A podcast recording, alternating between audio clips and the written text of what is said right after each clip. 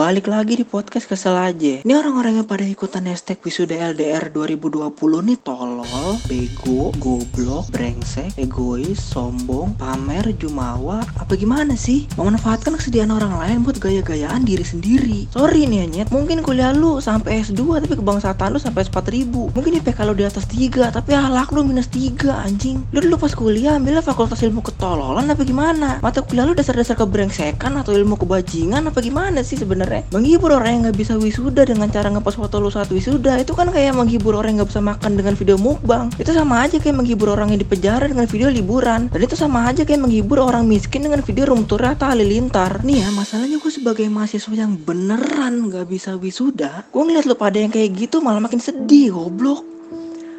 Bayangin 4 tahun gue kuliah Belajar Ngerjain tugas Presentasi Cuma buat ngincer di mana gue lulus.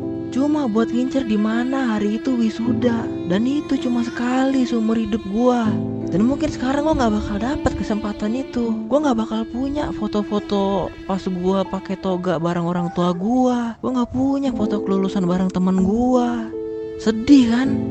Sedih cuy